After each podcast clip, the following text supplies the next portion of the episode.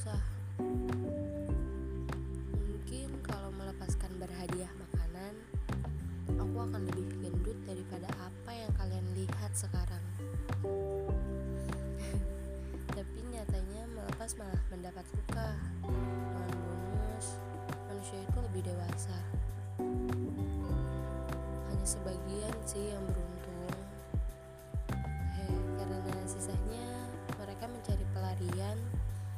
Agar terlihat bahagia dari kecewa dan juga baik-baik saja di belakang luka yang mendobrak egonya. Untuk itu, semoga kalian yang terdampak badai perpisahan lekas sembuh ya. Lekas membaik, apalagi untuk senyum yang nyatanya lebih menarik daripada wajah diam dengan hati yang mencabik. Salam dari aku, titik halu, sampai nanti.